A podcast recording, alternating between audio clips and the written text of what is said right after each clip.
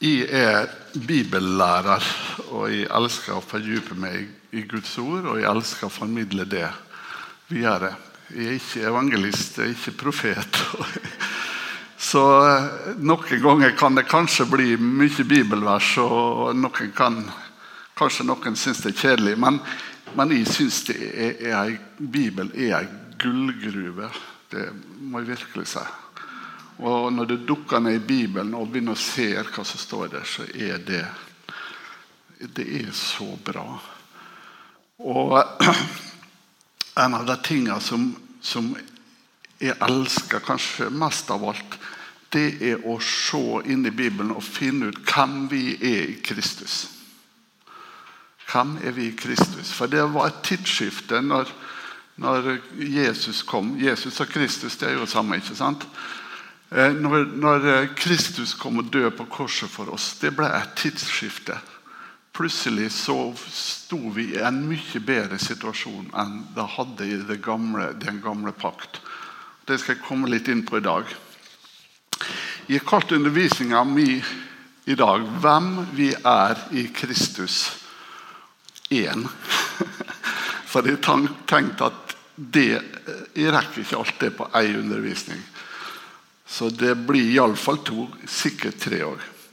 Men det kommer vi tilbake til senere. Men eh, hvorfor, hvorfor eh, bruker jeg det uttrykket 'hvem vi er i Kristus'? Jo, det er fordi det står i Bibelen om noen er i Kristus, så er han en ny skapning. Og det er ikke alle oss som er klar over, at vi er nye skapninger. Vi har så lett i tankemåten vår å tenke at vi fortsatt er den gamle Tarald som med alle de feil og mangler han hadde. Men vi er nye skapninger, og det er veldig viktig for oss som kristne å vite hvem vi er i Kristus. Eh, I dag skal jeg gjøre det på en litt annen måte enn i jeg pleier å gjøre. Jeg skal gå gjennom noen kapittel fortløpende i Lukasevangeliet. Begynner helt på starten. Jeg skal ikke lese alle versene, for det har tatt for lang tid. Men eh, i stedet for å ha versene på skjermen, her, så kan du gå hjem og lese. Begynne på Lukasevangeliet og lese Skal vi se Hva er det siste Hvor langt jeg kom på slutten her, da? Er sju, første kapitlene i Lukas evangeliet jeg skal snakke om i dag. Utdrag fra det. da. Og Jeg skal ta fram seks hendelser i de sju kapitlene eh, som forteller noe viktig både om Jesus og om oss. Den eh, forkynner så sagt det, Å leve kristelivet er ikke bare vanskelig, det er umulig. Sånn. Vi er så avhengig av at Kristus i oss får slippe til å leve livet vårt. Vi klarer det ikke sjøl, faktisk. Det er helt umulig. Vi må slippe Kristus til. Men da trenger vi å vite hvem han er, og hva, vi har i han. Så det er det jeg vil prøve å snakke om i dag. Og Da begynner vi med Jesu fødsel. Eh, og Da hopper vi direkte til Lukas evangelium kapittel 2. Så kapittel 1 hopper vi litt over. Men englene på eh, Betlehemsmarka ser noe fryktelig viktig. Det er ikke alltid vi tenker over det. Vi leser juleevangeliet, og så tenker vi ikke over det.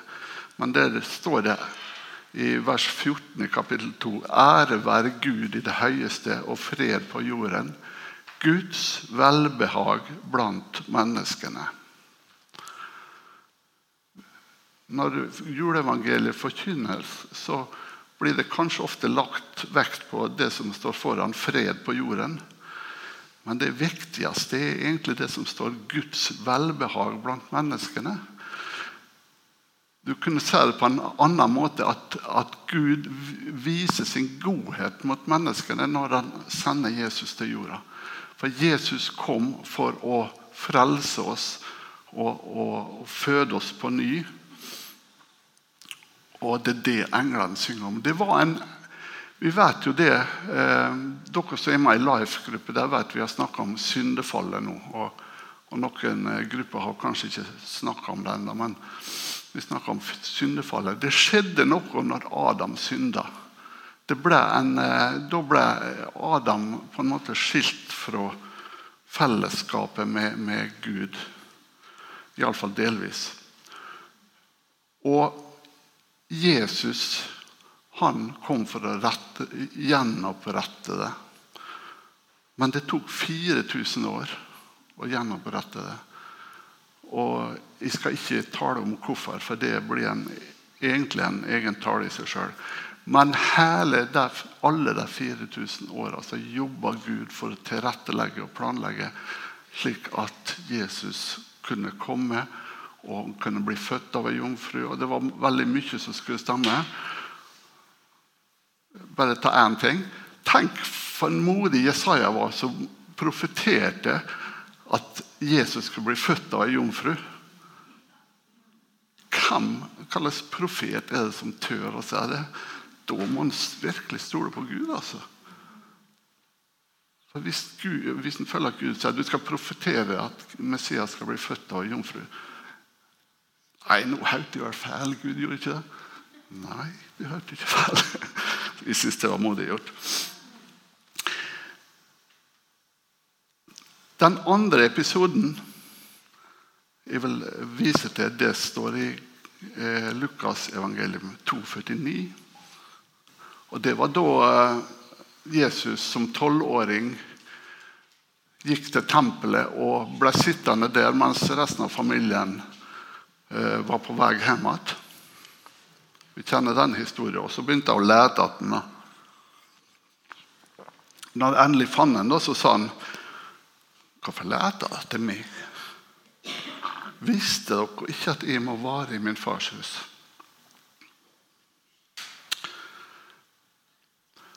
Og Sånn er det med oss. Gud er vår far òg. Vi må være i fars hus. Vi må være der Gud er. Og For Jesus så var det tempelet. Og for oss er det bl.a. menigheter. Men det, for oss er det ikke bare menigheter. For vi er i den hellige situasjonen at Den hellige ånd bor i hver enkelt. Og Derfor så kan vi være med Gud hele tida. Og på den måten blir vi òg kjent med Han. I Johannes 17, 3, Det er et vers som vi siterer opp igjen og opp igjen. opp igjen. Der står det dette er det evige livet, at de kjenner deg, den eneste sanne Gud, og Jesus Kristus, ham som du har utsendt. Så det å kjenne Gud det er veldig viktig. Skal vi kjenne Gud, så må vi være i lag med. Og en av måtene å være i lag med ham er å søke i Guds ord. Det blir ikke noe fellesskap uten at vi kjenner hverandre.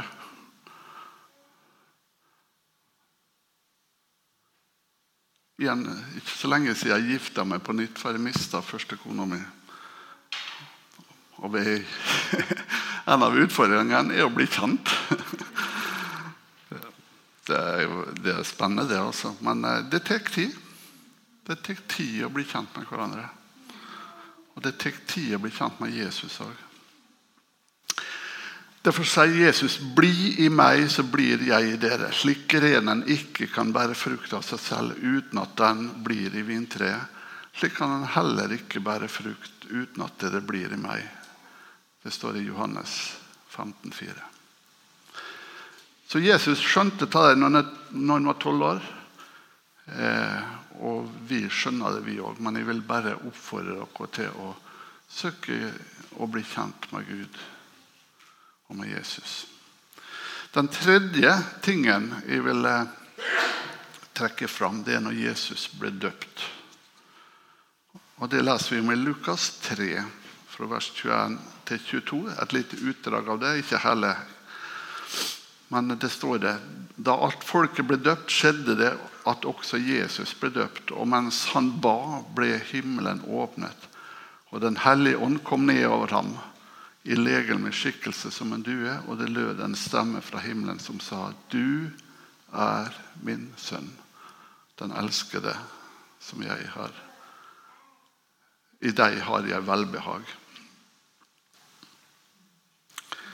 Jeg, leste, jeg har sikkert lest den historien 20-30-40-50 ganger før jeg plutselig en gang så gikk det opp for meg at når, Jesus, når Gud sier det til Jesus 'Du er min sønn, den elskede. I deg har jeg velbehag.' Så sier han det faktisk til meg. Han sier det til meg. Han sier det til dere som sitter her i dag. For vi er Jesu brødre og søstre. I Romerbrevet 8,29 så står det for dem som han på, har kjent på forhånd, har han også forutbestemt til å bli likedannet med sin sønns bilde, for at han skulle være den førstefødte blant mange søsken. Jesus er den førstefødte blant mange søsken.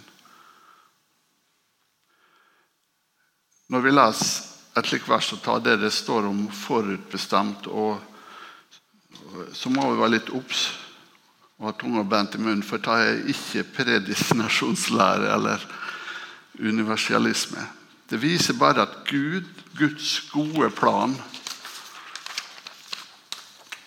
for oss Det viser oss Guds gode plan for oss, at vi skulle få lov til å være brødre og søstre med Jesus. Men Guds gode plan går ikke alltid i oppfyllelse fordi at vi har en fri vilje og er full råderett over oss sjøl. Men når vi leser dette, vers, dette, verset slik jeg tror det skal leses, så sier det at jeg er Jesu bror. Det er kanskje nytt for mange å, å skjønne det, men det står nå i Bibelen. da. Og det er du òg. Du òg er Jesu bror eller søster hvis du har tatt imot Han som din frelser. Og Gud behandler alle barna sine likt. Derfor så sier han til deg i dag i stad, men gjentar det. Du er min sønn eller datter, den elskede som jeg har. I deg har jeg velbehag. Ta det til deg. Den eh, fjerde tingen jeg vil snakke om, det er når Jesus blir fristet av djevelen. og Det står det om i Lukas 4. Da står det at Jesus vendte fylt av Den hellige ånd tilbake fra Jordan og ble ledet ut i ødemarken av ånden.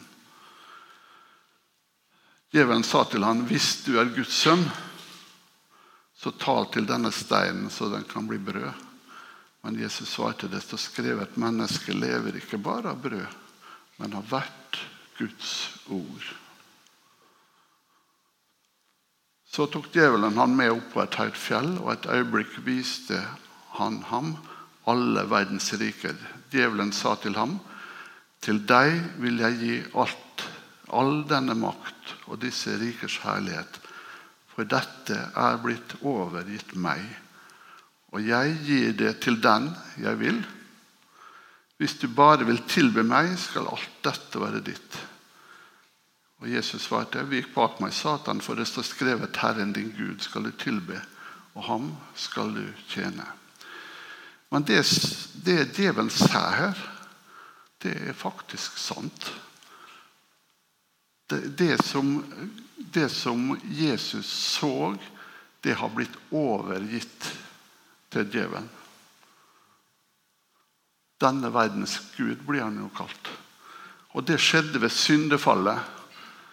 Det snakka vi òg om i Life-gruppen. At Adam og Eva var ulydige og åt av det treet som kan gi kunnskap om godt og vondt, så ga, overga de retten sin over jorda til djevelen. Så det har blitt overgitt til han, faktisk. Så står det så førte han, ja, førte han ham til Jerusalem stilte ham på eh, tempelets tinde og sa til ham hvis du er Guds sønn, så kast deg ned herfra, for det står skrevet, for han skal gi sine engler befaling om deg, at de skal bevare deg. På sine hender skal de bære deg, så du ikke støter din fot mot noen stein. Jesus svarte ham, det er sagt, du skal ikke friste Herren din Gud. Da djevelen var ferdig med å friste, for han bort, han, bort fra ham for en tid.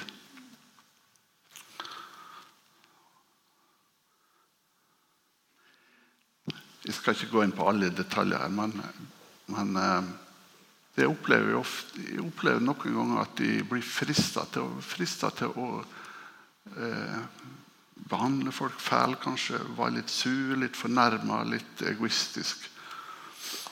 Og så kan jeg kjempe litt med det noen dager, men så opplever jeg at plutselig så er det borte.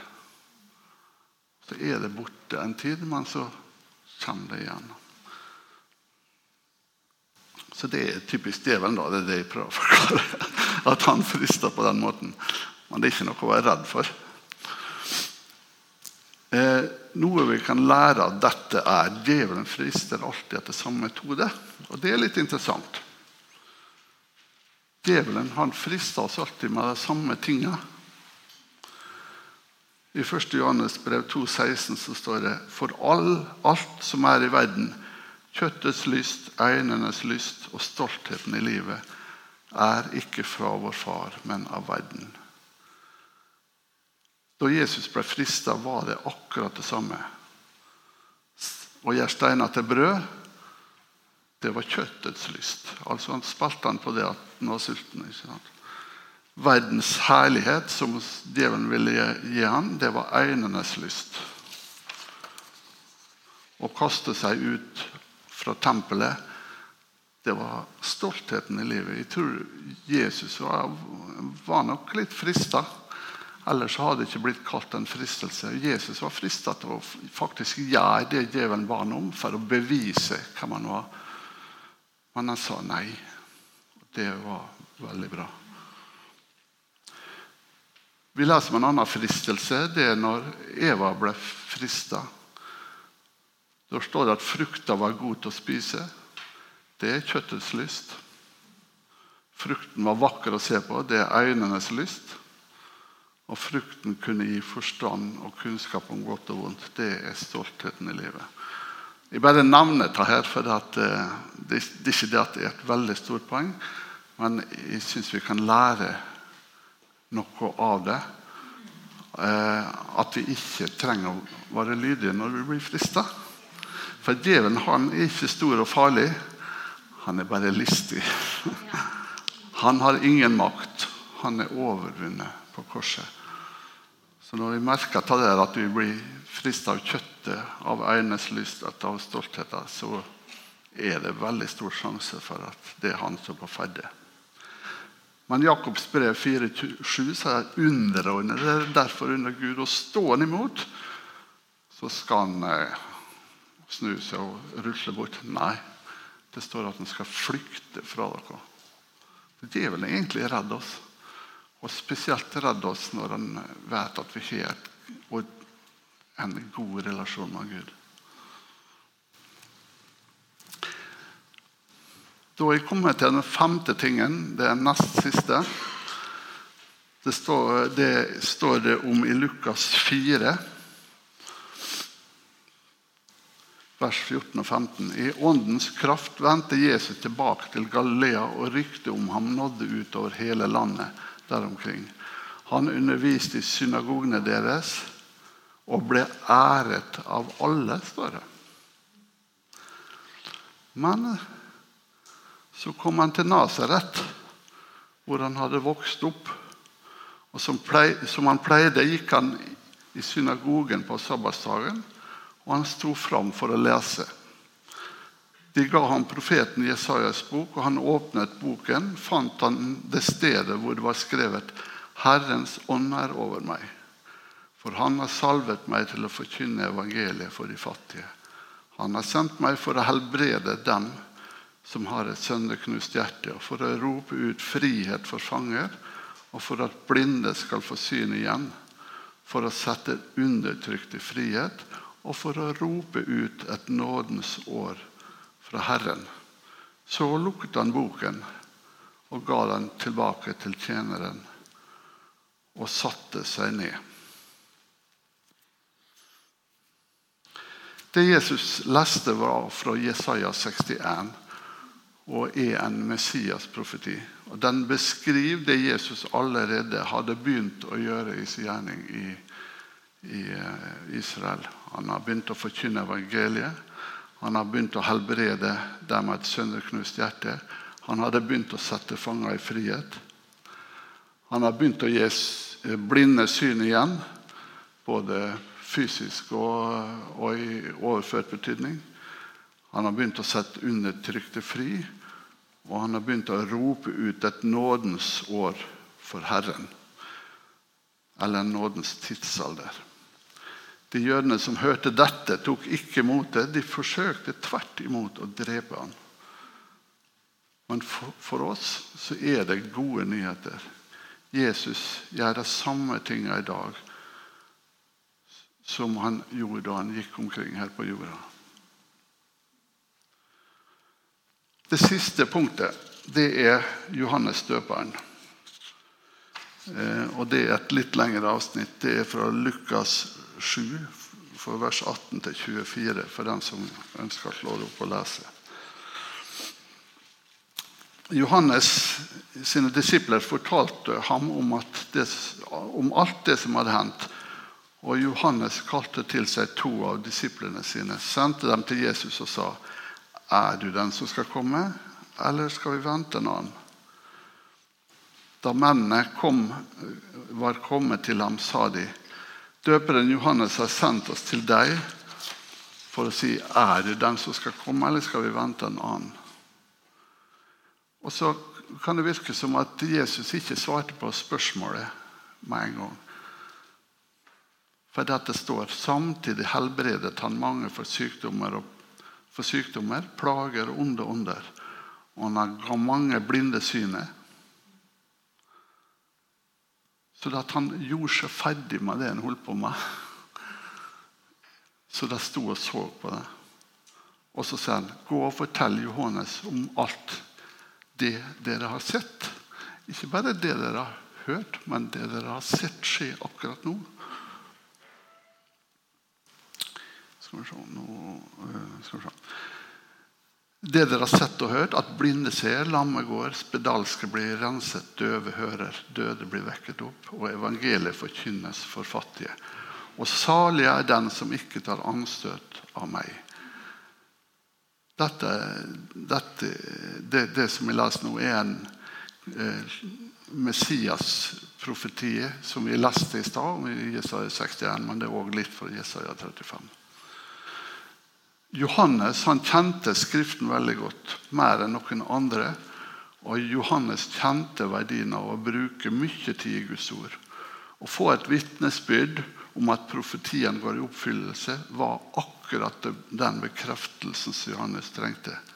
Det var svar på spørsmålet hans, og det ga han trøst, og det ga han nytt håp og det ga han ro i sinnet. Når vi bruker ordet, så er det en trøst for oss på akkurat på samme måte. Men så går Johannes sine utsendinger derifra og tilbake til Johannes. Og Da begynte Jesus å tale til folkemengden om Johannes. Hva gikk dere ut i ødemarken for å se et rør som svaier i sivet? Og så hoppa jeg litt lenger ned. Og der står det For jeg sier dere, blant dem som er født av kvinner, er det ingen større profet enn døperen Johannes. Men den minste i Guds rike er større enn han.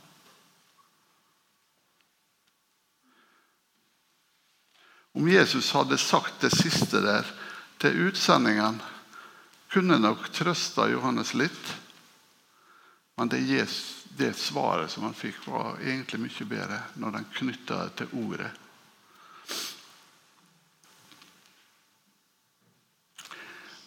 Men det om at den minste i, i Guds rike er større enn Johannes døperen, det sier noe til oss òg. Hvis du sitter her i dag som føler deg som ingenting, men du er født på ny da er du òg større enn Johannes døperen.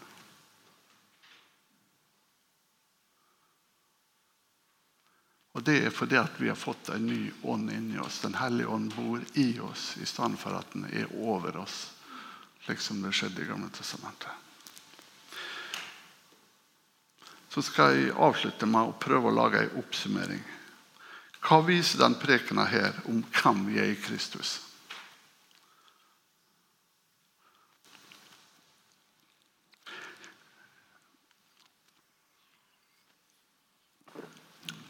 Den viser at eh, kristen hører Kristus til og mates av Hans ord når vi hører det. Ordet forkynt slik Jesus gjorde som tolvåring i tempelet. Vi er Guds sønner og døtre, og han ser på oss med velbehag. Det er en god ting. Vi er lik Kristus. Vi er brødre og søstre med Kristus, står det. Og Johannes sier òg at slik han er, slik at vi er midt i denne verden. Så det er godt dokumentert i Bibelen. Og da er det snakk om vår ånd. Det er jo ikke snakk om kroppen vår eller kjøttet vårt. Vi er arvinger og Kristi medarvinger. Det er jo òg stort. Vi har makt over djevelen og trenger ikke la oss friste. Vi kan bare stå imot, så skal han flykte fra oss. Det er en god ting. Jesu verk på korset gir oss tilgang til et nytt liv, Guds type liv, som på gresk kalles zoe og betyr overflodsliv. Jesus helbreder deg med et sønderknust hjerte. Altså Er du deprimert eller har angst eller opplever sorg, så er det noe Jesus både vil og kan helbrede. Jesus setter fanger i frihet. Jesus setter undertrykte fri. Det kan være rus, det kan være sykdom, det kan være mye mer. Men Jesus er i stand til å sette oss fri fra slike ting. Jesus ropte ut et nådens år for Herren.